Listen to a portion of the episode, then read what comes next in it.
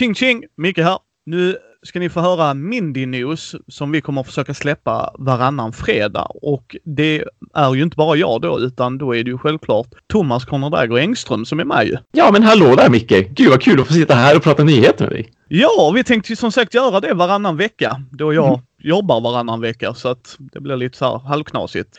Eh, men så strukturen vi tänkte göra är ju att vi skulle prata om vad vi har spelat. Eh, eftersom du spelar också. Jag tror folk är rätt intresserade av att höra vad Thomas spelar. vi får se. Vi får se vad feedbacken på det här avsnittet blir. och sen så tänkte vi då prata om nyheter. Både vanliga nyheter och sen Kickstarter-nyheter. För att ja. ja, det kan vara intressant. Och sen då avslutade vi lite med ja, vad som kommer i våran pipeline så att säga. Vad Thomas och vad Mindy kommer att släppa. Mm. Men om vi dyker rätt ner i the rabbit hole, Thomas. Vad har du spelat sen sist? Eh, sen sist har jag, jag har faktiskt bara spelat ett spel på riktigt så att säga, eh, som jag, som jag faktiskt verkligen har lagt ner mycket tid på. Eh, och det är Space Corp som är ett GMT-producerat spel, alltså krigsspelsutvecklarna GMT, eller utgivarna ska jag väl säga. Hör och häpna, för nu vet jag att det är många som, som kanske blir så här, va? Thomas, spelar han krigsspel? alltså sådana här riktiga wargames. Ja, ja, alltså nu är ju inte det här äh, ett wargame så, det är det inte. Space Corp är ett åka ut i rymden och utforska och kolonisera spel. Men i och med att det ändå är GMT som har utvecklat det, eller gjort det, så ser det ju ut lite grann som de här klassiska wargamesen gör. Alltså det, det, jag tror att det kan se ganska platt ut för många. Även om jag absolut tycker att designen är trevlig så är det ju liksom sådana här små pappersbrickor som, som ni vet ligger lite överallt på en, eh, inte för stor spelplan i det här fallet, men som ju många gånger ser ut så när det gäller GMT-spel och wargames. Ja, men hur var det då? Det har varit jättetrevligt. Det är ju nämligen en, eh, Eh, både en, en flerspelarupplevelse och en solitärupplevelse. Och som vi ju har pratat om sedan tidigare så är jag ett stort fan av solitärspel också och, och spelar väldigt mycket för just en spelare. Um, och nu nu just det här spelet, det är som sagt väldigt designat för en spelare. Det finns till och med eh, regler separat just för solitärspel. För annars brukar det ju vara så att om ett spel är säg en till fyra spelare eller en till fem spelare, då är det ju först och främst att man läser grundreglerna. Och grundreglerna är liksom så här spelar du med flera spelare. Och sedan kommer det då ett tillägg, så här spelar du om du ska spela solo. Men här finns det alltså en separat bok för soloregler och en separat bok för flerspelarregler. Och de skiljer sig så pass mycket att de har lagt upp det på det viset. Så man behöver bara läsa det ena om man nu har tänkt att bara spela sig solo eller bara tänkt att spela med flera spelare. Och det har varit otroligt trevligt att spela solo. Men hur många har du spelat det med annars då? Nej, men inga faktiskt. Ah, okay. och, och det, det beror på en enda sak egentligen just nu. Eh, anledningen till eh, varför jag har framförallt dykt ned i bara det här spelet och fokuserat så mycket på det, det är för att jag funderar fortfarande på om jag ska köpa det eller inte. För det är ju så att många av GMT-spelen och just Wargames överlag, eh, den här typen av krigsspel, de går ju att spela digitalt. Alltså det finns moduler till ett program som heter Vassal och Vassal är som ett, ett verktyg helt enkelt för att spela just eh, krigsspel i synnerhet liksom. Eh, och, och, folk skapar då moduler för att man ska kunna spela de här spelen. Alltså de läser in allt innehåll, all, alla spelmarkörer, alla kort och sånt där rakt in i datorn och så sedan finns det tillgängligt då för att man ska kunna spela. Ibland är det lite skriptat så att man, man behöver inte kunna alla regler själv, men för det mesta som jag har fattat det med Vassal så är det just ett verktyg som sagt. Det är liksom bara en, en stor liksom sandlåda. Du måste kunna reglerna för det finns ingenting skriptat som kommer att säga att nu gör du fel.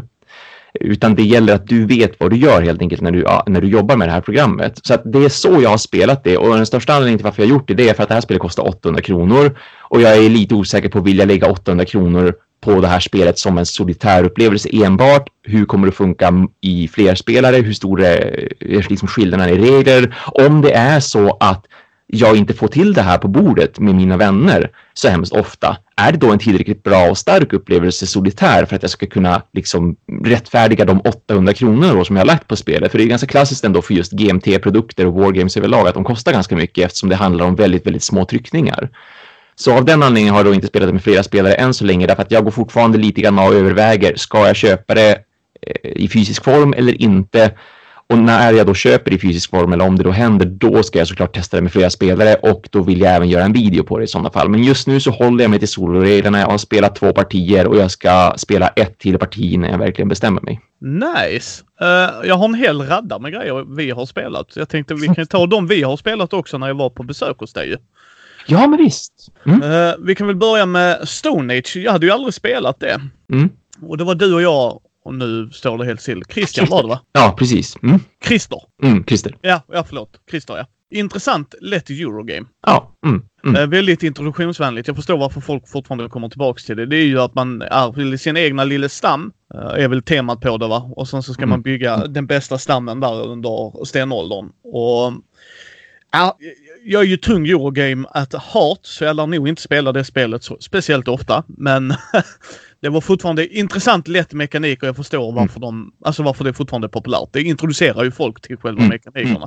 Mm. Ja, men visst, precis. Det, jag tycker det är ett viktigt spel av den anledningen just. Alltså jag spelade ju inte heller ofta själv och det var jättelänge sedan jag spelade det senast. Så det var kul att få en uppfräschning ändå av lite grann regler och spelmekanik och sådär. För det är ett jättebra spel att prata om just för ny, nya spelare liksom till, till hobbyn. Ja, men jag tyckte det var, var väldigt bra och du kan ju medigera en del av tärningsturen ja. med yxor och sånt. Mm. Eh, men återigen, jag är ju tung Eurogamer. Uh, mm. Så liksom det blir så här att ja, nu slog Thomas bra. Yay. Ja, ja men visst. Oh ja, absolut, absolut. Och speciellt med den här handlingen också som fanns där man skulle slå flera tärningar och så fick jag det första valet och sen fick du då kanske det andra valet och så fick den tredje spelaren det tredje valet och jag menar där kan det också bli så här. Jag slår, jag slår skitbra för bara mig. Och det är ju skitbra, för jag vill ju att det ska gå bäst för mig. Men sen kanske jag råkar slå tre stycken sexor i rad eller två sexor och en femma. Och ju högre man slår, desto bättre. Så att då ger jag ju er någonting jättebra också i sådana fall. Ja, det är ju att man placerar ut sina arbetare på olika positioner och sen är det ju limiterad till att hur många som helst kan inte vara på platsen, gubbar. Mm. Mm. Och för varje gubbe man sätter på handlingen så slår man tärningar. Och det var lite så här, det, det är ju en så här risk and reward. Ja. Absolut. Uh, men det är bra introduktion och det mm. rekommenderar jag folk att vill man få folk in i Eurogame-style så absolut, då funkar ju Stone Age. Jag som redan är djupt neck deep in it. Uh, nej, mm. uh, jag behöver inte ha det i min samling liksom. Mm. Uh, men jag är jätteglad att få provat det. För jag har, det var på min sån skamhylla. Ja, det förstår jag. sen spelar vi också This War of Mine ju. Ja, äntligen. ja, det var jag hade hört väldigt gott om det ju. Och mm. du hade ju spelat det någon gång innan mm. ju. Mm. Men det var ju, det är nog ett av de mest tematiska spel jag har spelat. Mm. Uh, det liksom är ju baserat på datorspelet This War of Mine. Där man ska försöka överleva så länge som möjligt i kriget. Uh, och det är väl bosniska kriget har jag för mig va? Det är någonstans på Balkan i alla fall. Det är, ja. Mm. Precis. Uh, ja. Och det är ju väldigt tematiskt tungt. Mm, enormt ja. Mm. Ja, ja. Och um, jag är fortfarande, jag står fortfarande i valet och kvalet om jag ska köpa det. Mm, mm. Det var väldigt, väldigt intressant spel. Vi spelade på fyra. Vi spelade ju med no några mm. av dina vänner där uppe ju. Mm. Det funkade rätt bra för jag tror vi var rätt avslappnade människor så det funkade rätt bra när vi spelade på fyra. Men det är ju också solitärspel. Ja, precis. Och det märks ju liksom i som upplägget att det är ju inte tänkt för så här, säg åtta personer, även om man i teorin skulle kunna vara åtta personer. Och jag, nu minns jag inte riktigt, jag har för mig att det står att det är för upp till sex spelare eller sju spelare om man tittar på kartongen eh, eller går på Board Game Geek och sådär. Men eh, i med upplägget och det här att man ska liksom skicka runt regelboken och alla ska få göra någon form av kort handling eller ett kort segment i spelet det blir lite stakande, speciellt eftersom de segmenten och de handlingarna kan vara allt från så här, ah, det tar fem sekunder för dig att göra det här till det tar typ fem minuter för dig att göra det här. Så att en del spelare kan få väldigt tråkigt i sådana fall och speciellt om man då är en stor grupp, för det är väldigt lätt att man hamnar lite utanför vad det är som händer kan jag känna på grund av att man tycker att åh, nu är det så länge kvar innan det blir min tur igen. Ja, jag tänkte inte så, utan jag tänkte mer att det var en berättelse, för man spelar inte en egen karaktär. Utan det var ju tre karaktärer man hade som var i gruppen där och vi tillsammans skulle bestämma vad som hände ju. Mm. Mm. Så att jag hade inga problem med att du läste, för att jag var fortfarande fullt engagerad i när du läste ju. Mm. Eller när eh, Hampus läste, liksom. Till mm. exempel. Alltså att, så att, men jag kan absolut förstå det, att vill man hela tiden vara den som är i fokus nej då kommer det inte fungera. Då ska man ju mm. spela på en eller två spelare kanske. Mm. Men, Uh, men jag tyckte det funkar jättebra på oss fyra för att vi var alla engagerade i berättelsen som skedde ju. Så att, mm. ja, jag ja. ja, jag tycker folk ska prova detta spel. Ja, det, det, tycker jag också. Det är en upplevelse, det skulle jag ändå säga. En väldigt speciell upplevelse. Och, och eh, som sagt, det går ju att spela som, en, som ett solitärspel. Det blir lite mycket att hålla reda på så att jag skulle absolut rekommendera ändå att man är ett par stycken. Det, det skulle jag. Men att det finns en gräns där. Jag som ändå har spelat det med flera också. Jag tyckte att fyra är nog eh, faktiskt ett maxantal rent utav. Det beror såklart absolut väldigt mycket på gruppen och hur mycket man väljer att involvera sig i spelet och vad man har för erfarenhet av den här typen av spel sedan tidigare och även det War of Mine för den delen, just datorspelet, alltså originalet. Men, men fyra känns som att det är, en, det är en lämplig siffra för ett tak i alla fall. Ja, Nej, men det, det, var intressant. Sen spelade vi Time's Up Title Recall spelade vi också ju. Ja, det var, det var ju första gången för mig. Och det har ju du pratat mycket varmt om. Och jag vart ju så otroligt taggad när jag fick höra lite historier från tidigare spelsessioner som du har haft med det här spelet. Då förstod jag verkligen att okej, okay, det här kan bli hysteriskt roligt faktiskt. Och det blev det ju. Det tyckte i alla fall jag. Oh ja. ja, jag skrattade fortfarande äh, åt minnena kan jag säga i vissa fall.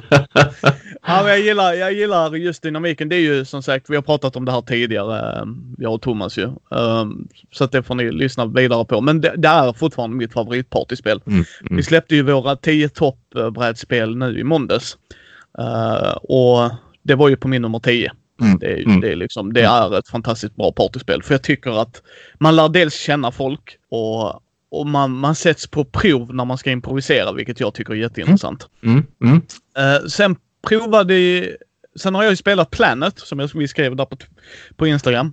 Uh, Planet är att man får en liten hexagonboll, kan man väl säga. Och så, så ska du, beroende på, så får man då sådana secret objectives. Så ska du då jaga vissa typer av uh, land. Och beroende på hur många sådana kvadr eller trianglar du får så får man då visst antal poäng. Samtidigt så finns det då djur eller andra sådana kort som man ska försöka fånga. Mm. Vinna över den andra spelaren. Det är ett väldigt bra familjespel. Jag och Fredde vi spelade två, tre gånger. Eh, det är väldigt snabbt. För du, när du tar en bricka, för att varje runda så får man upp så ska man välja en bricka av fem då. Och så ska man då sätta det på sin planet. Och det är rätt coolt faktiskt, för de sitter mm. fast med magneter. Mm. Och det var faktiskt väldigt, väldigt intressant. Men det stannar där. okej. Okay. För det är ett väldigt familjespel. Det är ja. helt okej okay familjespel. Jag lär nog inte sälja det. Det kommer nog, om jag håller i en brädspelsbar igen, så ska det nog med där. Mm. Det är väldigt, väldigt vackert visuellt. Jag tyckte det var mm. väldigt coolt mm. just när du byggde planeten. Men det blir också ett problem när, för du ska ju räkna då hur många man har. För att oftast när man ska vinna ett av de korten Mm. Uh, så, så kan det typ säga om den som har mest vita trianglar i sammanhängande områden som inte rör brunt område så vinner mm. du det här kortet. Ja, nu ska jag kolla detta på min boll. Mm. Och mm. Ja, okej, okay, nu ska vi se här. Du vet, så bör man snurra den och så. Mm. Ja, ah, okej. Okay. Ja, ja, det var nog du Thomas. För jag ser inte på min boll här. nej, nej, jag förstår det. Alltså jag tänkte på det också när jag har kollat upp det här spelet. För jag tycker också att det verkar vara ett väldigt mysigt familjespel. Och nu har ju det dessutom blivit svensköversatt.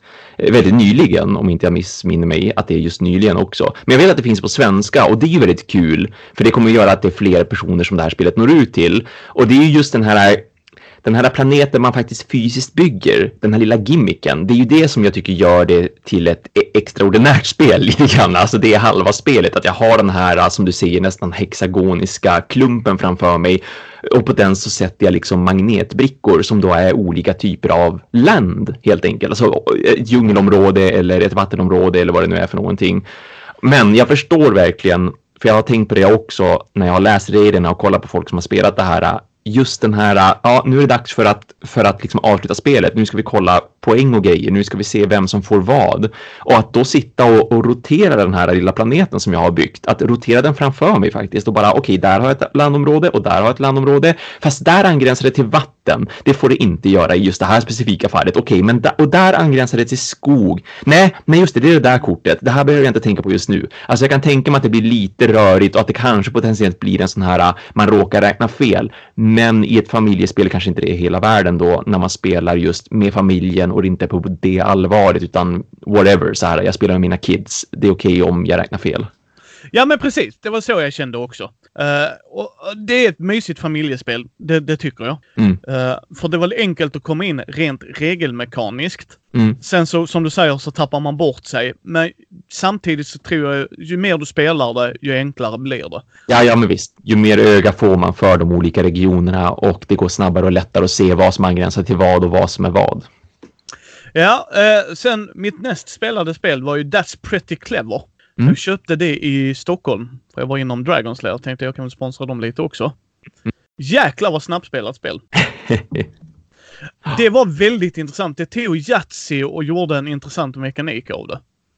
Du, för er som inte vet detta, eh, så är det ju ett eh, roll and write-spel. Och du har, på din scorepad så fungerar det väldigt annorlunda vilket så här, du har ett gult område, du har ett blått område, du har en grön rad, en orange rad och en lila rad. Och varje område har en tärning plus en vit tärning som är en wildcard. Och varje område markerar man olika. Mm. Och det gjorde det väldigt intressant. Till exempel så i den gula så hade vi då 4 gånger 4 rutor tror jag.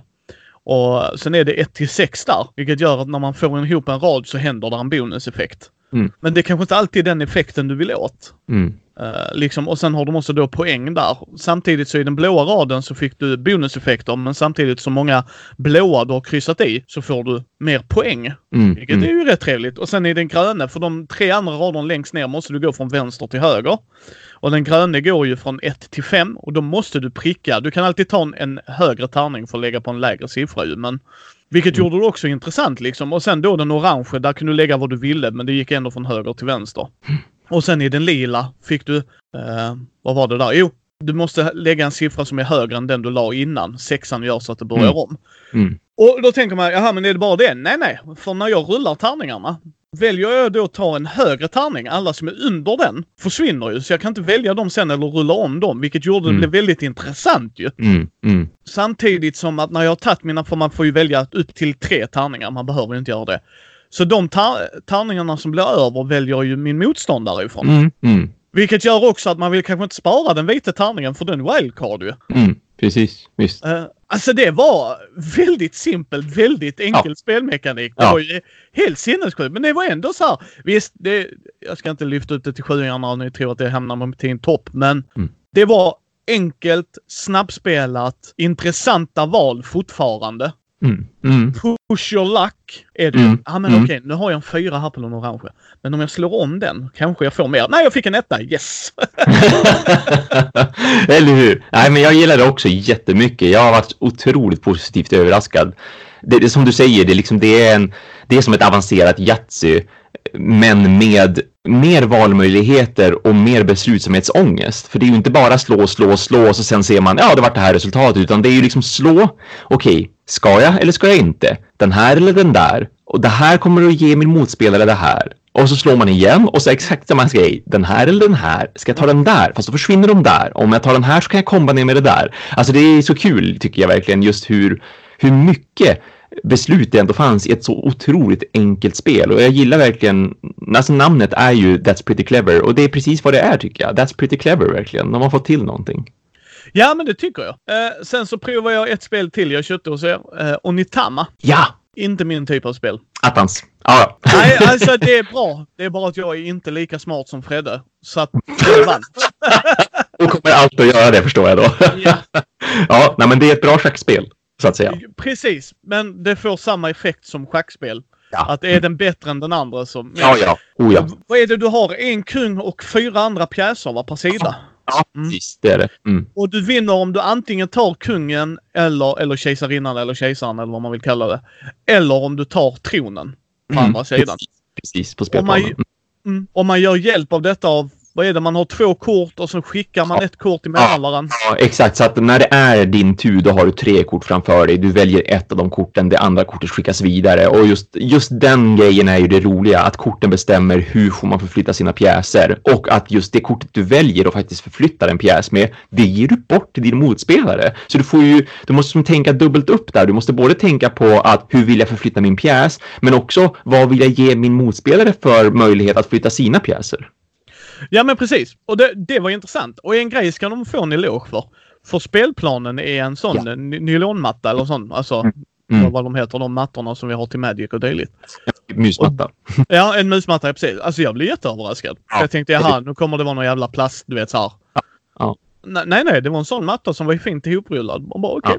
Ja. men väldigt, väldigt elegant eh, förpackat. Alltså både, både själva förpackningen, den här avlånga, just hur man viker upp den liksom, hur, hur den öppnar sig och så just att där i ligger den här äh, musmatte, liksom spelplanen och även hur pjäserna ligger, att allting är så fint sorterat. Så jag tycker att det är en väldigt elegant inramning också på det viset. Ja, men det tycker jag. Sen sista brädspelet innan vi går på mina rollspelsgrejer. Joking Hazard spelade jag med frugan och Fredde. Uh, för er som inte vet det så är det Cyanide and Happiness-killarna som gör de helt otroligt mörka humorn med streckgubbarna. Mm. Uh, vilket är precis Mickes humor. För Micke är lia, mörk och hemsk emellanåt. uh, så har de gjort ett partyspel. Lite likt Cards Against Humanity men ändå inte. För att i Cards Against Humanity så drar man ju ett svart kort och sen så säger man en rolig grej.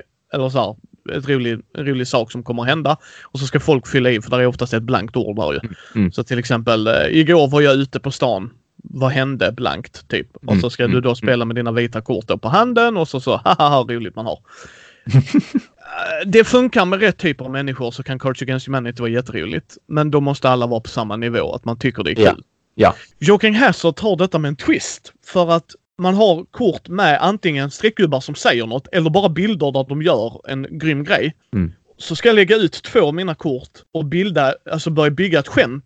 Men du ja. ska lägga punchlinen. Mm. Mm. Så du ska ta ett av dina kort och fylla igen det tredje kortet där. Och det var så jäkla roligt. Ja, alltså vi skrattar så vi grät. Alltså, oh, nej, alltså det är så fantastiskt. Alltså just för att man bygger skämtet själv och så kommer ja. någon annan och så bara... Alltså Fredde han, och frugan kunde sitta och skratta för att när man lägger upp korten och bara jag har det bästa kortet. Och man bara sitter och skrattar. Alltså det här är så sinnessjukt. Alltså, ja, är... ja, jo då. Eh, har du spelat det? Ja, det har jag. Jag, jag eh, gav nämligen bort det till två stycken vänner som jag har där jag vet att speciellt den ena av dem älskar just den här humorn och verkligen gillar karaktärerna också Cyanide and Happiness. Så att det var givet. Jag köpte det så fort vi fick in det till butiken och det var någon gång förra året dessutom så att det, det var länge, länge sedan verkligen. Och vi spelade ju det samma kväll som jag gav bort det här då. Och vi satt ju också och bara tokgarvade åt det här. Det var så roligt att dels bygga upp den här skämtet, den här strippserien liksom på tre stycken serierutor. Eh, och sen också hur mörkt det verkligen kan bli, precis som Cards Against Humanity. Och, och, även här då såklart, det kräver ju sin publik på ett vis. Alltså det gäller ju att man uppskattar den här humorn. För vissa, ja, vissa, vissa gånger så kan det ju dra åt det väldigt mörka och väldigt fula hållet. Men det är ju det som gör det roligt. Ja, och sen just att det var bilder. Man bara, mm. what the hell? nej, nej, fantastiskt. Jag ska investera i expansionerna av det också. Mm. Det kan jag säga. Alltså jag, jag, jag skrattar så jag grät. Och det brukar jag mm. göra med Coach Against Humanity och sådana grejer också. Men här var det verkligen, för du, du var aldrig beredd på det. Du bygger ju upp skämtet och sen så bara någon bara nailed it! Ja.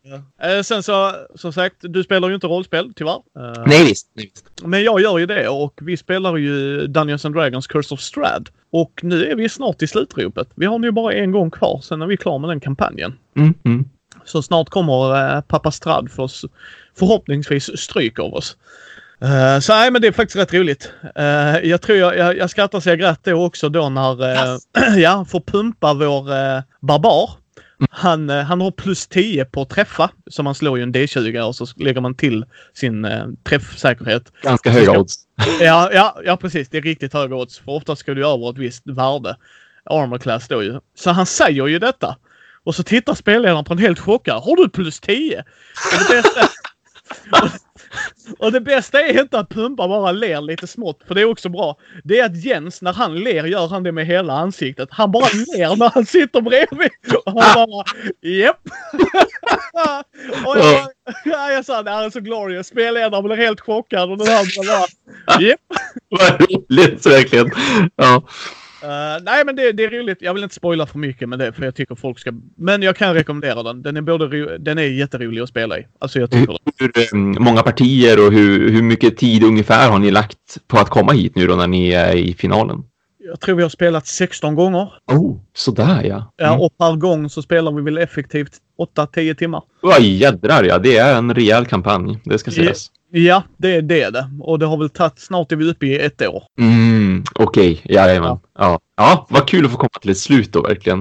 Och Ja. sorgligt på sitt vis. Ja, nej men det är det. Och gruppen kommer att vara kvar för jag ska ta över och köra, eh, vad heter den, eh, Dragon Heist. Ah, Stadsäventyret när de är i Waterdeep. Mm. Och sen får vi se vad det blir. Men eh, sen har jag också träffat en annan grupp som spelar D&D i Ängelholm, vilket också har varit väldigt trevligt.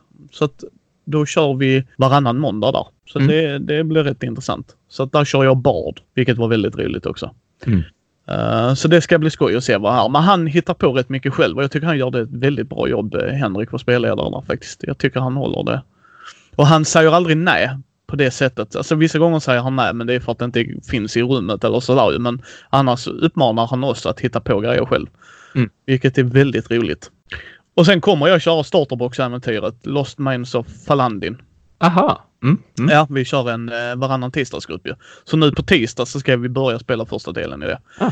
För jag brukar rekommendera folk då och jag har inte kört det själv men just Malmögruppen, eh, tre av dem har liksom kört det och sagt ja, ja men rekommendera det till folk. Det är ett riktigt bra äventyr. Mm, mm. Så jag tänkte ja men då får vi prova. Ja. Och då ska vi faktiskt ha en ny spelare dit som jag aldrig har träffat innan. Som eh, frågade efter en grupp och jag bara, som ville köra D&D då. Jag bara fast vi kör ju, ska ju börja köra D&D så joina oss då. Mm. Så frågade jag min grupp först självklart, det gör vi alltid. Mm. Nej, så att det är mina rollspelsfadäser just nu. Men det är vad vi har spelat sen sist. Ja, precis. Ja, som sagt, det har inte blivit så mycket för mig då, men det är också för att jag har haft en himla otur ska, ska bara tilläggas. Med de senaste två månaderna så har det inte alls klaffat för, för min spelgrupp. Eh, som jag vanligtvis ju träffar så här varje vecka och spelar många gånger nya spel med dessutom. Eh, Men, men nu har inte jag sett dem alltså på om det är sex eller sju veckor.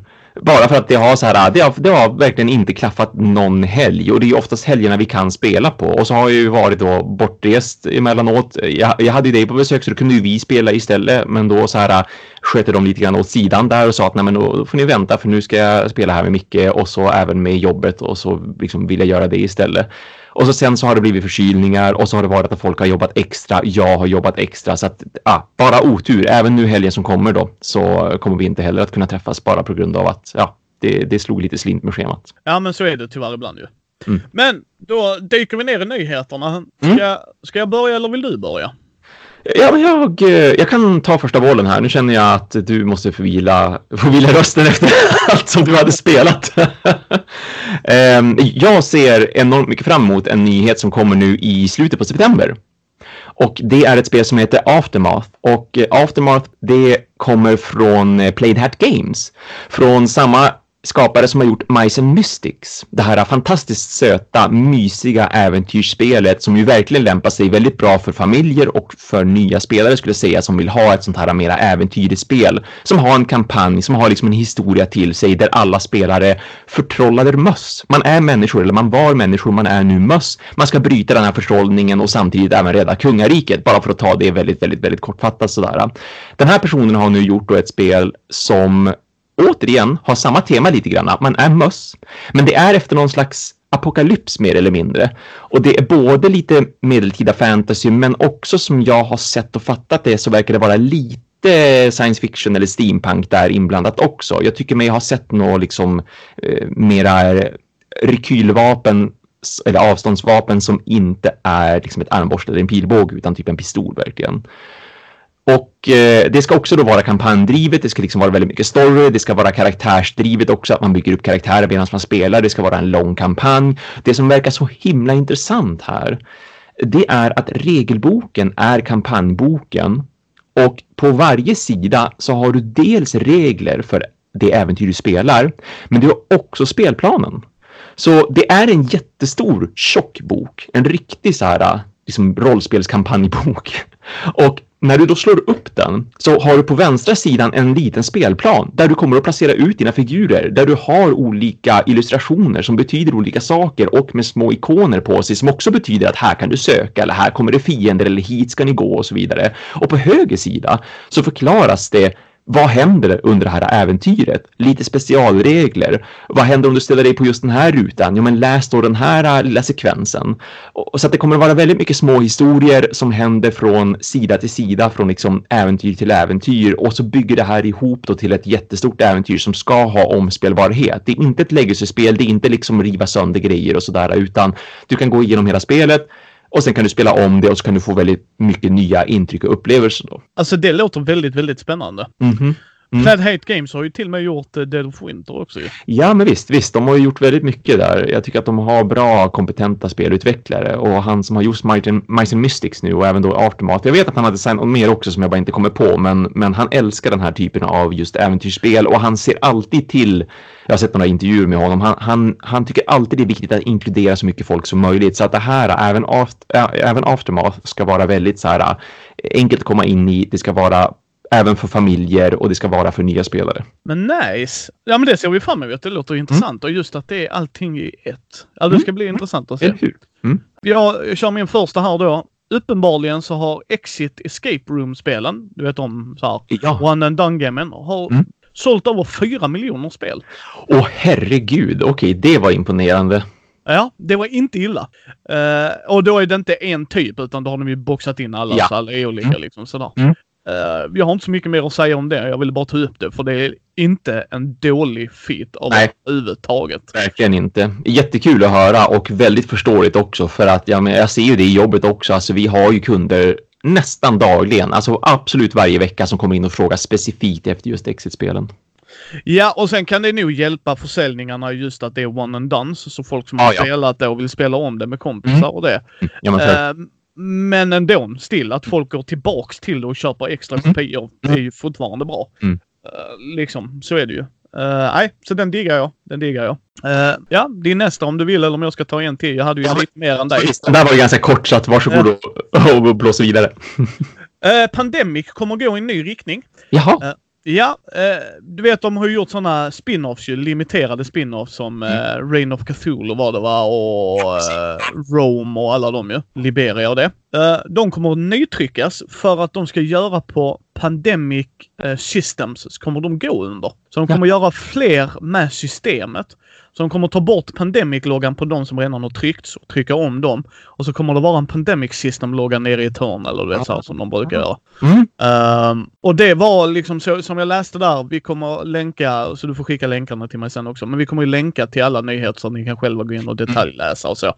Men vad de ville göra var väl att inte ha samma press på sig som innan. Så att de kommer inte göra det nödvändigtvis pandemic-like, men använda systemen som de skrev. Så ah, får vi ja. se vad det blir liksom. Mm. Mm. Men det tyckte jag var rätt intressant. Mm. För mm. vad var det? Pandemic har ju ett par år på nacken. Vad var det? Oh. Oj, ja jösses ja, 2000, vad, vad kan det vara? Fyra? Ja, något sånt. Vi ska inte låta vara, men liksom ändå. Det är ju många år. Mer än tio år i alla fall. Oh ja. Mm. Ja, så det tyckte jag var rätt intressant. Ja, Verkligen. Ja, men det ser jag fram emot också för att jag tycker att de har ett par intressanta liksom dels intressanta teman men också intressant just hur de använder det temat för att göra Pandemic till ett nytt spel ändå fortfarande. Jag gillar verkligen Reign of Cthulhu, den har jag ju spelat och den, den har jag propsat för väldigt många gånger, speciellt när det har varit folk inne som har varit intresserade av då H.P. Lovecraft såklart. Har spelat kanske Mansion Madness eller något av de här eh, spelen som baseras på det här skräckuniversumet. Ja, alltså de kan ju göra nu rätt mycket och det är väl ändå rätt bra att de tar bort Pandemic-loggan om de nu gör andra idéer. Sen får vi ju se om mm. det är lönt ju. Alltså, ja, jo visst. Det får ju tiden utvisa, mm. men mm. Eh, mer, mer spel till folket som sagt. Mm. Så gillar man systemet så kommer man... Alltså jag tycker det är intressant för vad jag har förstått på de andra så lägger de till lite. Nu har de ju möjligheten att kanske lägga till mer, men använda grundmekaniken till Pandemic. Mm, mm. Alltså förstår du hur jag tänker lite? Så att de kan verkligen gå ifrån ännu mer pandemic. Mm. Utan ja, men... där, nu använder vi kärnmekaniken, men nu gör vi de här grejerna istället. Mm. Mm. Äh, så det blir intressant. Vad är din nästa nyhet då, Thomas? Eh, det är ju snart dags för mera Star Wars. och det, ja, det är alltid dags för mera Star Wars. För mig är det alltid dags för det i alla fall. Nej, men eh, som vissa vet, speciellt om man följer mig på Instagram eller sådär, så spelar jag ju väldigt flitigt Star Wars Legion, det här figurspelet. Och visst, nu är det väl liksom, nu går vi in mer på figurspelen, brädspel kanske då potentiellt, men jag vill ändå, ändå bara snabbt nämna det att Star Wars Legion ska ju nämligen få Clone Wars här som snart dyker upp, så att det blir en ny era att slåss i för då Star Wars Legion-spelare. Och Clone Wars-corset som det då kommer att komma har ju sina egna två eh, fraktioner då från den här tiden av Star Wars. Det är ju de här prequel-filmerna som de kallas för, alltså episod 1, 2 och 3. Eh, där finns det ju väldigt mycket mer att ta ifrån egentligen. Så att jag vet att det är väldigt, väldigt många som har hoppats på det här eh, sedan länge att det skulle komma. Och det vart ju utannonserat för en bra tid sedan. Men är, nu är det ju verkligen bara runt hörnet. Jag har för mig att det är mitten på september någon gång som då det här nya Eh, grundspelet ska släppas. Så att man kan spela Star Wars Legion i en annan era med andra enheter med lite andra små tweaks till reglerna och lite nya nyckelord och sådär. Och självklart kommer det gå att blanda. Det är ju inte så att man är fast i en era utan det är tillåtet mig veterligen även på Fantasy Flight Games egna turneringar då att man spelar liksom en fraktion från den gamla eran så att säga eh, med en fraktion som då är den eran som vi kanske alla mest känner till från just liksom slutet av 70-talet och sådär. Ja, men det ska bli intressant för er som spelar eh, Mm. Star Wars-linjen ju. Det tycker mm. jag. Min nästa nyhet är The Evil Dead 2. Kommer du ihåg den på Kickstarter? Ja, visst det gör jag. Ja. Mm, den eh, gick ju inte så bra. Den gick ju Nej. igenom men sen så sjabblade den individen bort pengarna. Mm. Uh, omedvetet eller medvetet ska jag låta vara osagt. Jag har inte hängt med där. Men det var ju Space Goat Games. Det var ju en katastrof för att folk ja, hade investerat pengar och sen skulle han helt plötsligt, om jag minns rätt, starta upp företaget och då skulle man köpa in grejer som nog inte behövdes och mm. jada jada jada. Men då har Jasco Games kommit in och gjort en ny Kickstarter och den hittar ni i... Jag kommer länka detta i uh, show notesen så gå gärna in där och kolla. Mm. För de kommer göra ett Evil Dead 2. Mm. Med lite någon av mekanikerna ifrån det, det, andra då som inte gick igenom. Eller som aldrig levererades. Mm. Och lyckas de i Kickstarten, vad är det, 14 dagar eller någonting sånt när ni, efter ni har hört detta ja. Uh. Om ni hör detta den 30 augusti så är det 14 dagar kvar på Kickstarten. Så kommer de skicka till ett spel till de som har backat och som aldrig fick det. Jaha, nej. Okej. Okay. Uh, så hatten av till dem. Jag hoppas ja, det går igenom. Uh, det är ju ett co-op-spel. Eh, för er som inte känner till Evil Dead. Det är ju ett zombie. Alltså typ zombie över så här, living, använder odöda ting som ska anfalla en stuga. Och så kanske en av er är en traitor. Ja, jag är inte så stort fan av filmerna så att det här var inte en instaback mm. för mig. Men för de som gillar det, gå in och ta en titt och jag gillar ju, de har ju hjärtat där. Alltså att de vill mm. ge det till de mm. andra backarna ju. Mm. och vad jag förstod det så skulle det vara gratis. Sen kan jag inte säga om det är med frakt och det så att... Mm. Nej men just det. Mm. Det kan jag inte svara på ju. Men man skulle i alla fall få ett spel ju. Mm. Så det, det tycker jag är hatten av faktiskt. Absolut, absolut. Har du en till och ska jag smita till med en till här? Jag tycker jag får smita in med en till ändå. uh, Racing Sun kommer att bli en uh, serietidning. Va? Ja. Jaså? Jajamensan. Kommer att bli en sån miniserie. Tre delar. Från IDV. Vet du vilka IDV är? Ja. Oh ja, oh ja. Mm. Vet du dem för att de gör serier eller för att de gör brädspel? Eh, både och faktiskt. Jo då, jo då, jo då. Så därför tycker jag att det är en väldigt stor och häftig grej. Det gör mig mera intresserad. Mm. Ja, precis. Nej, för er som inte vet, de gör serietidningar också. Typ Transformers och dylikt. Ja, väldigt stora. Och sen, ja, och sen gör de eh, helt okej brädspel. Jag har ju deras mm. Ninja Turtles. Mm. Mm. Det har jag velat spela kan jag säga. Så att det, det, det ska vi boka någon gång när jag kommer hälsa på. det, det ska vi definitivt göra. Men här i Kickon, mm. i tidningen så kommer det vara grejer till spelet. Ursäkta? yes. Så till Racing Sun från Cool Mini Nut som är ett area control med monster och dylikt. Som jag inte har spelat och inte sugen på att spela heller faktiskt. Helt ärligt. Uh, där man ska förhandla då när man är, vad är det, fedala Japan med ja, den, den, mytologin. Har du spelat det Thomas? Nej, jag, jag vill såklart spela det, men det är ju mest för att jag är så en Japan-fantast också, of course. Men med dig kan jag spela det, Thomas. Ja, oh, tack! Oh, det. uh, nej, men jag tror säkert det är ett bra spel för de som gillar det. Jag har, jag har hört, grejen är, jag har hört blandade med det. Vissa gillar det, vissa mm. ogillar det. Mm. Men jag vet inte vad det för det stod inte i, på den sidan jag kollar nyheter på. För det var inte klart än vad som skulle komma. Men det kommer att vara grejer till spelet. Ja. Spontant, jag gillar inte sånt här spontant. För när man, så här, promomaterial som typ är, eh, om vi tar de jag fick av er till, eh, vad heter det? Time Stories. Mm, mm. Kosmetiska grejer har jag inga problem med. För det är bara kosmetiska grejer. Det påverkar inte spelet till eller från. Problemet blir ju om en av de tre grejerna kommer bli riktigt bra påverkan på spelet. Och du måste leta upp det. Och det är en limiterad printrun. Du kanske inte får in den. Nu ska vi komma ihåg att vi bor i Sverige. Och mm. man kan gå till sci-fi bokhandeln och få vissa serier. Men du kan också gå till seriebörsen i mm. Linköping vill jag påstå. Säga att den är där. Vilket är en bra butik. Jag har köpt mycket serier därifrån. Så sett. Men då måste vi börja jaga de grejerna. Vi kan liksom mm. inte gå in som i USA, vilket är rätt enkelt, eller mm. Amazon, mm. utan vi får jaga det. Och då blir jag väldigt negativ till det. För att då blir det lite äh, kosmetiska grejer. Nu vet vi inte som sagt vad som kommer komma, men jag, jag är väldigt skeptisk till det. Liksom kosmetiska grejer eller om du får... Äh, alltså jag vet inte. Det är... Ja, men alltså det man skulle kunna spekulera i, i och med att det just handlar om en tidning, det är ju såklart platta saker. Och det som är platta saker är ju spelkort. Och då är ju risken väldigt hög att de faktiskt tillverkar då spelkort som är exklusiva och unika för just serietidningen. Som som sagt du ska blanda in då i det här spelet. Det kan ju ha världens supereffekter rent utav. Det kan ju vara menat att det ska vara supereffekter. Men det skulle ju å andra sidan också kunna vara det som då skulle funka bättre på det här viset just när det gäller kosmetiska effekter och, och sånt, att det är eh, alternativ, alternativa illustrationer.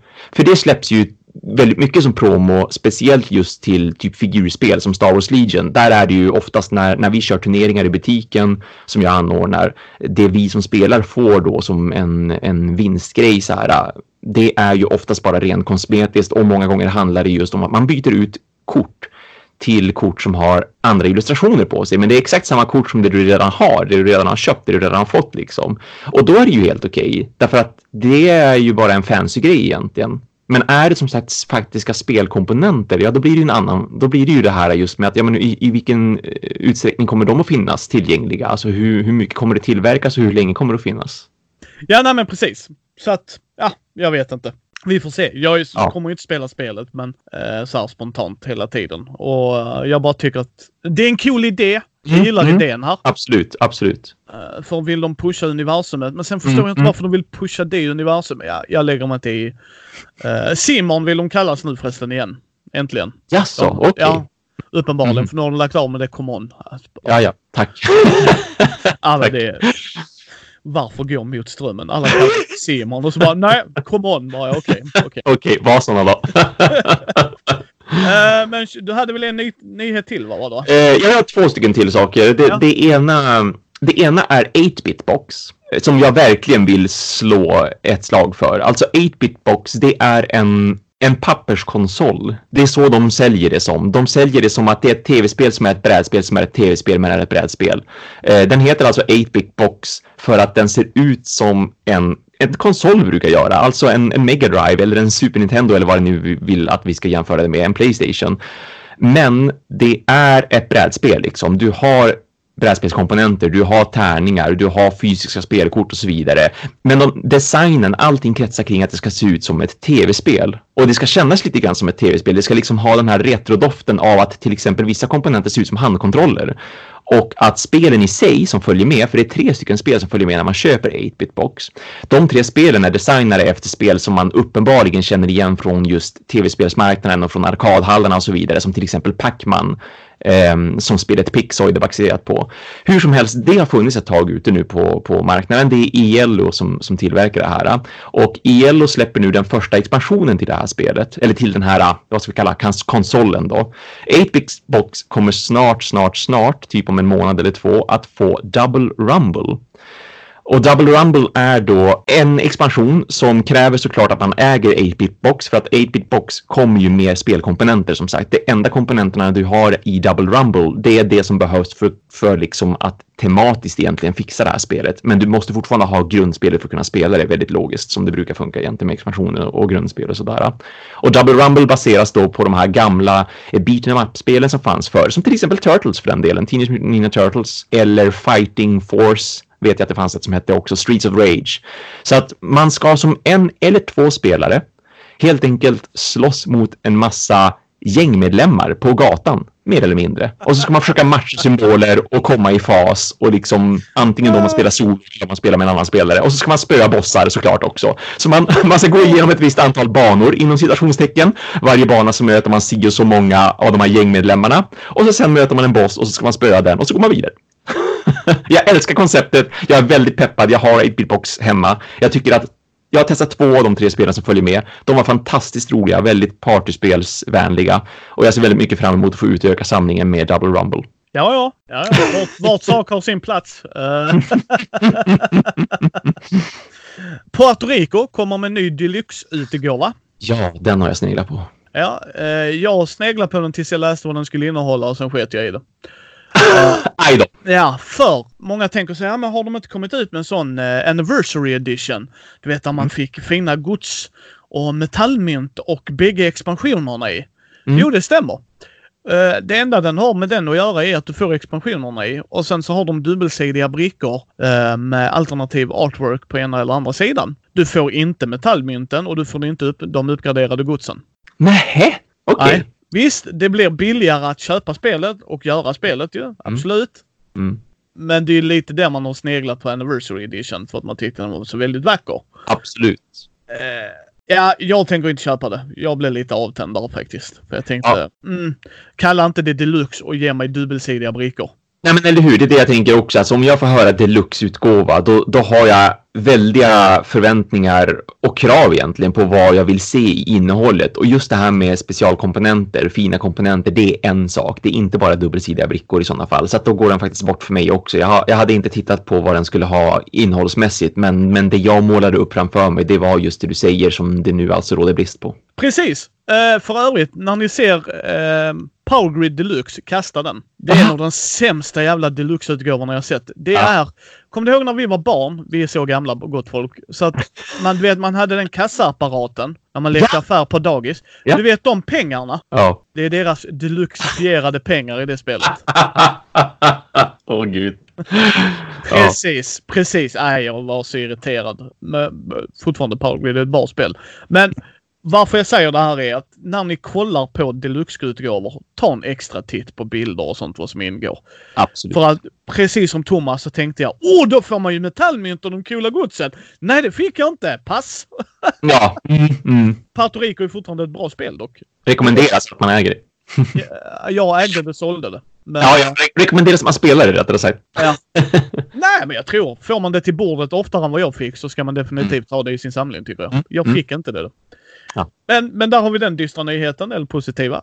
Jag tänkte smita in till med en här. Mm. Uh, Jimmy Stegmaier, han är ju i ropet igen. Snubben som gjorde Skype, Charterstone och Videoculture. Yes. Kan säga att Videoculture inte är så hypat som jag tycker folk gör det. Men det är min it. Charterstone har jag inte spelat. Och samma sak med Skype. Skype är väldigt bra om alla är införstådda med att det inte är ett Eurogame utan ett Area Control-spel. Mm. Då blir Skype jättebra. Sitter alla i varsitt hörn och turtlar, då blir det inte jättebra. Ja, nej. Så att det kan jag säga om det spelet. Jag gillar Skype, har det i min samling. Jag ska köpa Fenris-expansionen.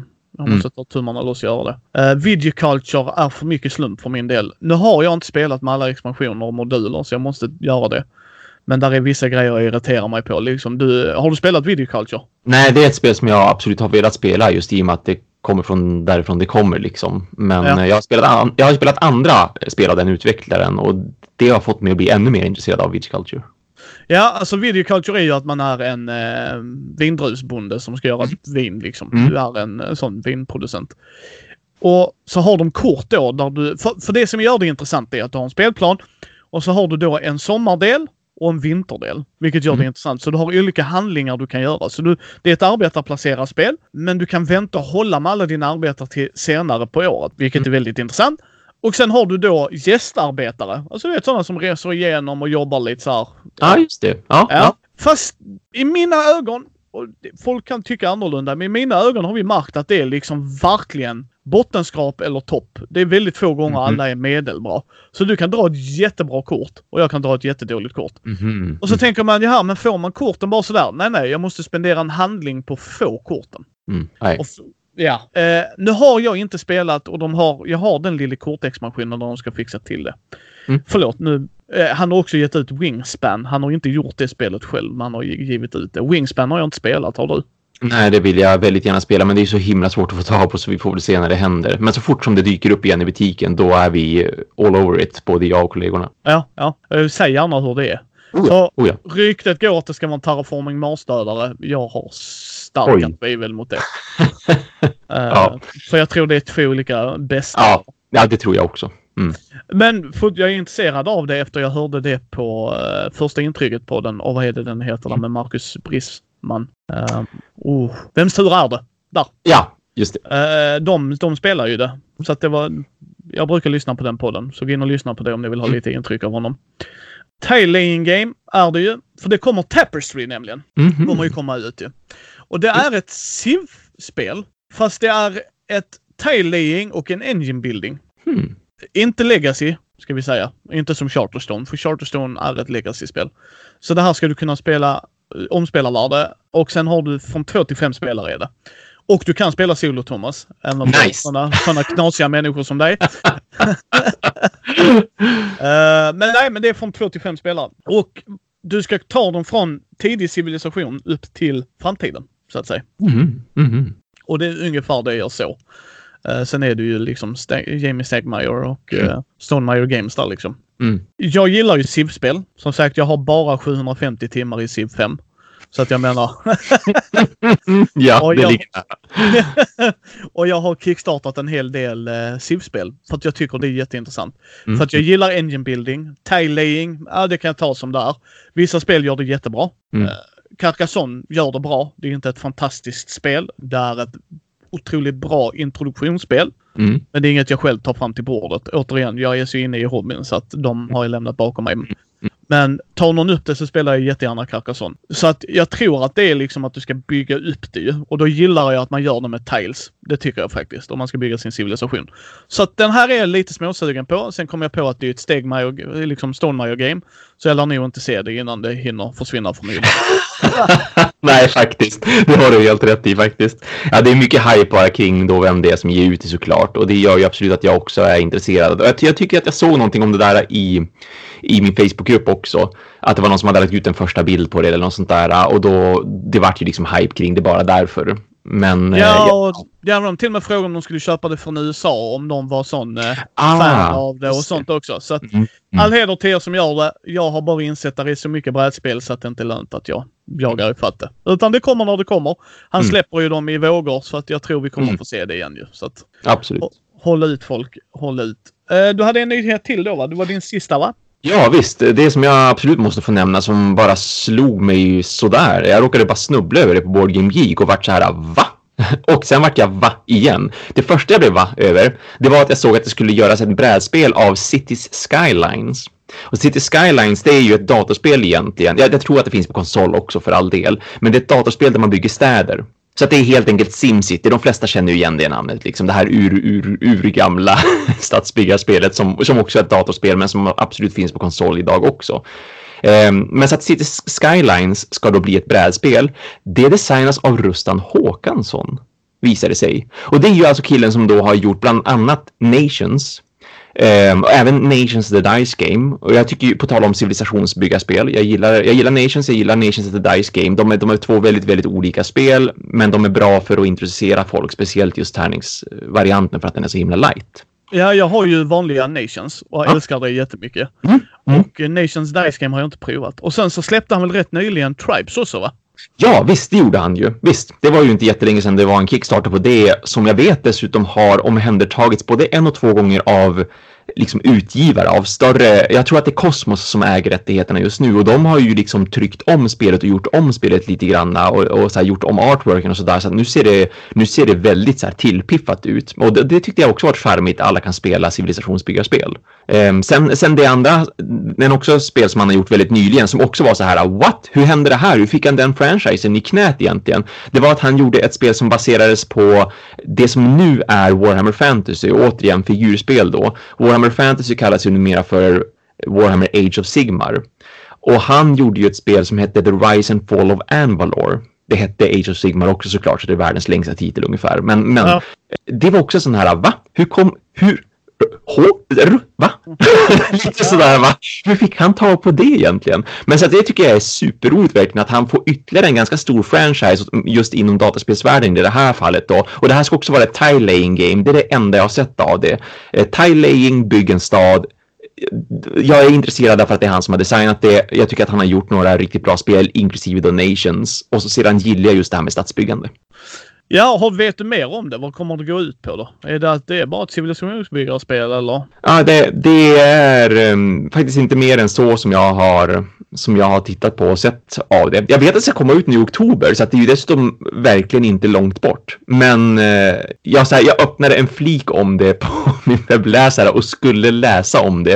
Eh, men jag har glömt bort att göra det och så slog det mig nu när vi skulle prata om nyheter. Ja just ja, det där. Det var ju det jag skulle kolla upp men som jag inte har gjort. Men, men det, ska, det ska tydligen funka väldigt mycket som just SimCity och som då datorspelet att det handlar liksom om att man ska bygga sin stad och att man ska ändå bygga den tillsammans med de andra spelarna. Så att alla bygger en gemensam stad. Man måste diskutera vissa saker gemensamt, men att man har, som jag fattar det, någon slags typ personliga mål och att man måste tänka på precis som när man bygger städer i SimCity och i, i datorspelet av då City Skylines. Man måste tänka på det här med att man behöver samla upp skräp. Man måste tänka på att det finns brott eh, och brottslighet och man måste ha liksom poliser och sådär som kan ta hand om det. Eh, och att man har de här klassiska, det är bättre att bygga en park bredvid eh, bredvid hushåll liksom än att det är att bygga eh, industri bredvid hushåll såklart. Det ska bli intressant. Det ska det. Uh, jag har ju lite fler nyheter här då kvar. Mm. Mm. Så, uh, eh, FFG på sin uh, Gencon Inflate Thingamabob Doohickey.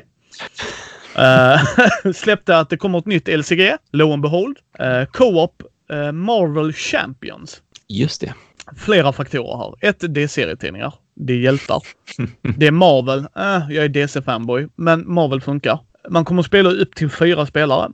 Okej, okay, det har vi hört innan. Man kommer att smacka down en skurk. Okej, okay, det har de gjort innan liksom så här med Arkham Horror och alla de här. Men här kommer kickern. Du kommer att spela antingen som hjälten eller deras alter ego. Så du kan alternera det. Okej, okay, intressant mekanik. Mm. Här är den, den selling point som jag verkligen gillar tills jag ser priset antagligen. Men att du behöver bara köpa en box. Mm. Mm. Så får du allt. Du behöver inte köpa en till för att komplettera. Du får allt i en box. Nu ska vi också säga att nu vet jag inte hur FFG tänker här. Vad deras version är av allting i en box är. Mm. Eh, så det ska vi låta vara osagt va. Men du kommer spela som en hjälte. Så i första då boxen kommer du spela antingen som Spindelmannen, Captain Marvel, Black Panther, Iron Man, She-Hulk. Och sen kommer du kunna möta Rhino. Du vet vem det är väl? Är? Mm, mm, yes. Uh, Claw. Ja, har jag sämre koll på. ja, det är Black Panthers ärkefiende. Okej, okay, yes. Och sen mm. Ultron då. Den, ja. Du har ju sett Marvel-filmerna. Mm. Vilket sånt, sånt är så väldigt intressant när de... Nu möter ni Rhino. Ja, jaha. ja. Liksom, och sen möter ni Claw. Okej. Okay. Och sen Ultron. Den förstår jag lite mer när det... Men ja, återigen, absolut. Ge ja. kärlek till de mindre. Det tycker jag. Ja, ja men visst. Det är jättesnällt att, att ta in Rhino till exempel. Det tycker ja. jag är gulligt. Rhino är för övrigt en cool skurk i Spindelmannen-universum. Mm, mm. Min kusin eh, Frykis är eh, ett stort Spindelmannen-fan. Ja. Mm. Och Oliver en polare till mig. Så att, jag tycker Spindelmannen är helt okej. Okay. Men det kommer vara inte baserat på filmerna, alltså MCU, utan det kommer vara baserat på serietidningar. Vilket all heder till dem, för där är mycket mer mm. att hämta tycker jag. Absolut. Mm. Och sen artworken, ja det är Marvel artwork så som de ser ut idag. Så att det är ju mm. schysst artwork. Mm. Mm. Så att nej, den ser jag fram emot jättemycket. Uh, jag hoppas du sitter ner. För övrigt så gör du det, det ser jag. Men Ticket to Ride ska bli en reality TV-show. Ja, just ja. Gud, jag läste det. Alltså jag, jag skrattar så jag grät. Varför? Ja, det gjorde Måns också kan jag säga. Alltså en av kollegorna på, på jobbet. alltså det ska bli en reality show, show där folk ska tävla om att resa längst via luft, hav eller land. Uh, det är det första som small screen som de kallar projekt som kommer från Asmodee Entertainment. Som ska göra saker till film, tv-show, comics, graphic novels av deras licenser. Alltså då mm. från Days of Wonder, Canton Studio, Space mm. Combat och FFG. Uh, de har temat, te alltså de har liksom, detta är joint operations så att säga med Progate. Uh, studion som co-fondare, alltså folk som har jobbat med USA-versioner av shower som Vem vill bli miljonär, Big Brother och The Office och Masterchef. Mm -hmm. Mm -hmm för er som tittar på reality shows. Jag gör inte det. Alltså, jag, alltså seriöst. Ja, de är som de är. uh, och så ska man, ja det är ju reality shows är fejkade också så att det skriker om det ju. Så att ja, ja. jag, jag, ja, lägger mig i det här. Jag, ty jag tyckte dock att det var jätteroligt. Och just ja. det, och de, de, vad sa de? Oh, vad de, de hade ändrat taglinen till Ticket Trade också. Jaha. Mm. Uh, vad var det de sa? Det var ett action-äventyrsspel eller något sånt. Man bara, fast det är ett road building connection, root connection spel. Ja, ja. ja. Det kanske inte låter lika sexigt i... Nej, lite hur. inte för att locka tittare, nej. Uh, om jag minns rätt så stod det också att det var 6 miljoner exemplar sålda av Ticket Ride. Ja, det är snyggt det också. Verkligen. Ja, ja, det är helt sanslöst. Fortfarande ett spel jag inte gillar att spela. Uh, nej, det är för pilligt. Det är alldeles... Ah, okej. Okay. Ja, Alla vagnarna. Ja, alltså det är... ett okej spel. Det är, jag rekommenderar folk det fortfarande, mm. om jag inte mm. spelar det. Och jag har både juniorversionen, My First Journey, Ticket to Ride och vanliga Ticket mm. to Ride i min samling. Så att, uh, du kommer inte se mig spela det så ofta i alla fall. Uh, nu kommer vi till Thomas favoritnyheter, Dungeons and Dragons News. Så att... oh, oj, oj, nu ska vi höra här. Ja, jag bring it. uh, där kommer en ny dd bok i oktober vill jag minnas. Uh, Eberron, där de kommer lägga till en ny klass. Vilket är rätt stort för det har de inte gjort på fem år. Oj, okej. Okay. Uh, helt ny klass och fyra nya raser. Och ett område i en annat plan om jag minns helt rätt. Jag kan inte det här, men det kom ifrån fjärde eller 3.5. Ska också låta det vara osagt. Så det är Dungeons and Dragons Eberron. Den är jag jätteintresserad av. Dels för att jag ska äga alla. För de är lite som mina Pokémon. Uh, gotta catch them all. Ja, men den, den kan vara rätt intressant liksom. Sen kommer det en bok snart faktiskt i mitten av september eh, om Baldur's Gate, staden liksom. Och det är ju rätt intressant tanke, med tanke på att det har ju funnits två så här rollspels, RPGs-spel ju, Baldur's Gate ju. Back in mm. day, när vi växte upp. Så den är jag intresserad av. För att jag har ju, vi ska ju köra Dragon Heist som sagt var snart. Och det är ju utspelar sig i Waterdeep, vilket är extra roligt om man har spelat Waterdeep-brädspelet. Eh, mm. Uh, Lords of Waterdeep. Sen så snart så kommer Essential Kit också, Dungeons and Dragons. Så den ska jag också norpa för jag vill se skillnaden. För nu har jag två starterboxar. Den vanliga, där vi ska köra det äventyret ju. Och sen den andra då. Uh, Stranger Things-grejen som jag köpte av er där ute också. Ja, just det. Mm. Ja, men nu kommer Essential Kit. Så jag vill faktiskt kunna jämföra och sen rekommendera folk vilken de ska kunna. Uh, och här kommer också en sista grej så att jag inte ska tråka ut allt för mycket med DND News. Efter starterboxen så kom de med en uh, Horde of the Dragon Queen. Det var en liksom kampanj som gick från 1 till 6, 16, förlåt mig, 1 till 16. Men det var utdelat i två kampanjböcker. Nu ska de slå ihop det efter fem år. Så nu ska man kunna köpa det äventyret som en helhet istället liksom. Mm. Vilket är rätt intressant. Det har fått mycket hyllningar och mycket skit också det äventyret. Så att, uh, jag har ju det. Ska jag spela det någon gång i framtiden? Antagligen när jag är pensionär. Uh, men, uh, ja, men så är det i alla fall. Så där har ni lite DND News för folk som vill det. Sen har vi Kickstarter-delen. För vi vill ju alltid ta upp Kickstarter också. Call of Cthulhu på svenska nu Thomas. Ja. Ja, jag misstänkte att det var det som skulle komma först och främst faktiskt. Jag har också, jag har den sidan öppen. ja, eh, 26 dagar kvar när ni hör det här. Mm. De har fundat. De är, ja vad är de? Sist jag kollade var de över 350 000. Ja, precis det är de. Mm. Uh, så det är jätteskoj. Uh, Björn från Elossos. Stort mm. grattis till er där och hela det gänget. Uh, det är en översättning av Call of Cthulhu 7 editionen. Så att du kommer få en väktarbok, Keeper, och en Investigator, liksom utredarbok. Men det de har gjort ut är att byta amerikanska 20-talet mot svenska 20-talet. Mm. Vilket är effing amazing. Mm. Alltså det är, jag, jag, är så taggad så jag nästan gråter. ah, jag älskar Call of Cthulhu. Jag gör det. Och, och eh, när man går in där, bara titta på videon om de har spelat in. Jag tycker den är jättecool också.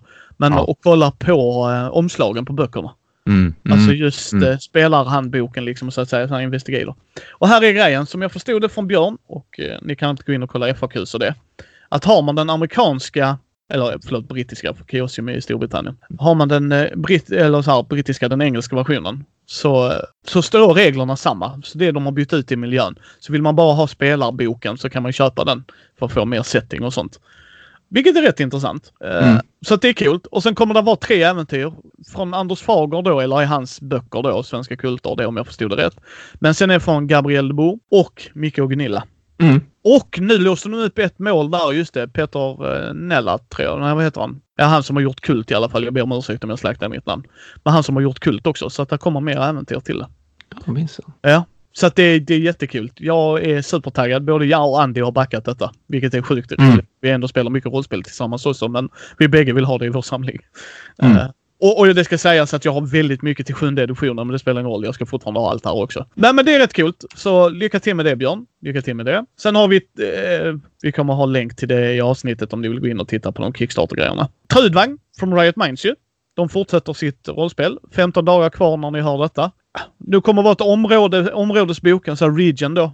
Uh, Muspelheim, där, ja, vad jag förstår så var det väl där dvärgarna hänger till. Mm. Så ta en titt där. Jag har redan allt annat Trudvagn så jag backar denna också. För jag tycker de gör ett grymt jobb där. Det är dock Trudvagn på engelska vill jag understryka. Uh, om jag inte missminner mig så kan ni gå in och köpa de andra produkterna de har släppt också. Så att om man inte var med från början så kanske man kan komplettera nu. Uh, så det är ju schysst ju. Mm. Och mm. sen Lindorm Dice gör en Kickstarter. Ah. Man kan köpa tärningar. Och man kan aldrig ha för många tärningar, det är bara så. Eh, men det är ett svenskt bolag och de har ungefär 10 dagar kvar. Och då kan man gå in och kolla om man behöver mer tärningar och så och stötta dem. Det tycker jag alltid är mm, trevligt. Mm, mm. Så det är väl olika sätt och olika grejer man kan gå in och backa. Så all heder till dem. Och eh, sen tänker vi att vi ska väl avsluta här med saker som vi har i pipeline och saker vi kommer att göra. Så jag tänkte mm. väl, ska vi börja med mig? Mm. Ja men visst, det kan vi göra. Mm. Uh, nu på måndag kommer vi släppa ett avsnitt med Björn från Elossos där vi spelade in lite uh, någon vecka innan Kickstarten släpptes. Där han pratar om varför Call of Cthulhu på svenska och dylikt. Mm. Vilket är väldigt intressant och det tackar vi Björn för, för att vi fick vara med på. Och uh, måndagen efter det, den 9 september, eftersom vi släpper varje måndag ju, så är det intervjun med Anders Fager. Eller samtalet jag hade med honom. Så att det tackar vi för också Anders. Sen kommer jag åka till Comic Con, Stockholm. Mm. Mm. Jag och min kusin. Vi kommer vara där. Så är ni där och ser mig så hojta gärna till. Uh, ska försöka träffa lite folk också när jag är där uppe. Uh, och sen kommer jag faktiskt, jag blir inbjuden att åka ut till Norrköping på Norrköpings brädspelscafé på, och hålla ett föredrag på Kulturnatten där den 27 mm september. Så det ska bli intressant. Mm, mm. Så det är lite vad vi ser fram emot i september månad och sen så ska vi börja göra lite projekt jag och min kusin också. Vad har du som händer i din pipeline? Kommer vi få se en bra video nu? Ja, ehm, förhoppningsvis i alla fall inom kort. Det beror på lite grann när spel dyker upp och sådär förstås. För eh, det jag ser fram emot härnäst att få testa det är ett spel som heter Ski Tour Biathlon och det är ett skidskyttespel. Hör och häpna, av alla teman, ett skidskyttespel. um, och det här är jag faktiskt riktigt peppad på, för jag har redan hunnit spela lite grann av det här. Det är nämligen så att det här är svenskproducerat. Det är en kille som heter eh, Tobias Olsson som eh, håller på att designa det här och de som ger ut det heter T-Time Productions. Det är Tobias Olsson och så har jag för mig att det är Samuel Sapire som han heter som också har som också är en del av det här företaget. Jag vill bestämt minnas att de faktiskt var de första som gav ut Tribes som vi nyss pratade om då med, med eh, Håkansson, Rustan Håkansson. Och som sagt, Ski Tour Biathlon, det är ett, typ, tänk dig Flam Rouge lite granna. Det här cykelspelet designat av, av eh, danska, åh, oh, vad heter han nu då? Eh, Asgård, eh, någonting. Hur som helst. Eh, ett racingspel med tärningar. Jag har testat en utgåva redan, en prototyp förra året som han skickade till mig och ville ha lite feedback på hur han tyckte att det funkar, eller hur jag då tyckte att det funkar, hur spelgruppen tyckte att det funkade. Det skulle bli en Kickstarter och sådär. Och Eh, jag har för mig att det inte är så där jättelångt bort nu. Jag ska få nu en ny prototyp skickad till mig där man då har eh, färdig, eh, färdiga illustrationer till spelet. Man har designat om lite grann spelmekaniken och sådär. Och när jag testade det för, som sagt första gången förra året, både jag och folk i min spelgrupp var riktigt imponerade. För det här var ett riktigt intressant just så här Slå tärningar, välj var du ska placera tärningar, välj hur du vill använda dem, försök att inte trötta ut din spelare. Det fanns väldigt, eller spelare, försök att inte träffa ut, äh, trötta ut din skidåkare. Det fanns väldigt mycket taktik till det här, äh, mer än vad, jag, än vad jag trodde att det skulle vara. Så att jag, äh, jag är faktiskt riktigt peppad. Det ska bli kul att se hur spelet ser ut nu när det verkligen har fått sin, sin färdiga artwork. Och det ska bli kul att se vad som har hänt rent designmässigt. Det är ett ganska light spel ändå, det är det fortfarande. Det är ett familjevänligt spel, det, liksom, det ska ta typ en timme att spela. Men jag är faktiskt väldigt intresserad av det. Så att så fort som jag har fått den här uh, prototypen nu i sitt färdiga skede så att säga. Då ska jag filma det och så ska jag göra en Kickstarter-video till dem. Åh, oh, vad trevligt! Ja, och då får jag, jag får dessutom vara en av, inte bara en av de första, jag får vara först med att faktiskt testa just det här, det här nydesigner och sådär. Så att det ska bli jättekul. Oh, Ja, ni ser folk, ni ser folk. Skidskytte, vem trodde Thomas gillade det? Ja, nej, det var väldigt otippat, det ska sägas. Men eh, som sagt, det här kommer komma varannan fredag. Det kommer inte vara lika långt, men som sagt, vi hade en lista på spel vi hade, eller jag hade spelat. Ja, du hade spelat mycket. um, men som sagt, så vi kommer ju höras om två veckor där med, mm. med mer nyheter. Och det är mm. som sagt tanken är att vi ska släppa det som sagt varannan vecka. Bara för att hålla er uppdaterade. Så att längden kommer nog variera beroende på hur mycket nyheter mm. vi kommer ha mm. att gå igenom ju. Men jag tänker mm. det kan vara rätt bra grej att upplysa folk om aktuella kickstarters och dylikt ju. Mm. Uh, så vill vi, både jag och Thomas, han är ju en hederscrew nu eftersom han har varit tillräckligt många gånger i Mindy redan. och, um, så det är jätteskoj att du vill vara med här. För jag tänker att även om jag tar ut mer rollspel och det så är det fortfarande asroligt att sitta och spela, prata brädspel med dig. Mm. Mm. Och du kanske lär dig lite till jobbet också med ja, rollspels och så. Oh, ja. Så att vi kommer ha oss nästa fredag gott folk. Eller förlåt, om 14 dagar, förlåt. uh, och sen kommer vi höras på måndag. Då får ni det senaste avsnittet från Mindy. Och sen får vi se när Thomas släpper nya grejer. Mm. Så vill vi bara passa på att säga tack och hej. Tackar, tackar. Hej. Och så vill jag påminna folk om att vi finns ju, både Thomas finns på eh, Thomas Corner Dago-gruppen och där kan man höra och häpna få tagg på Thomas också genom att kunna tagga honom. det kan jag va? Ja. Uh, gå in och prenumerera på hans YouTube-kanal om ni inte har gjort det. Mm, mm. Uh, vi finns också på YouTube på Mindys bräd och rollspelspodd. Vi finns också på Instagram. Det finns Thomas också. Uh, alla de länkarna kommer vara i show notesen. Just om man vill gå in och följa oss. För vi brukar, du och jag brukar vara rätt duktiga på att lägga upp när vi spelar spel. Mm. Oh ja. Mm, mm. Uh, så det tycker jag. Sen finns vi ju på Mindys bräd och rollspelspodd på Facebook. Så gå gärna in där. Och sen har vi en hemsida mindy.nu. Så gå gärna in där och ta en kik och där brukar vi som sagt lägga upp alla show notes. Liksom om ni undrar om, om ett spel vi har pratat om och dylikt så står det mm. där också. Mm. Sen eh, får ni gärna gå in och ge oss betyg på iTunes och på Facebook för då kommer fler hitta oss. För det är ungefär så den algoritmen fungerar. Så tycker ni det är värt det så gå gärna in och lämna ett betyg och omdöme. Och tveka aldrig att höra av er till oss. Uh, om ni vill, ja, om ni, om ni är ett företag som vill att vi ska ta upp en nyhet. För vi vill gärna stötta svenska företag också liksom och säga om ni har någon nyhet på gång så gärna, hör gärna av er. Jag är på micke at mindy.nu. Hur får de tag på dig bäst Thomas? Ja, de kan mejla mig på konradargo.gmail.com helt enkelt. Ja, och det är samma grej där. Det kommer vi lägga upp i show notesen. Mm. Så hör av er om ni har något och så hörs vi om två veckor.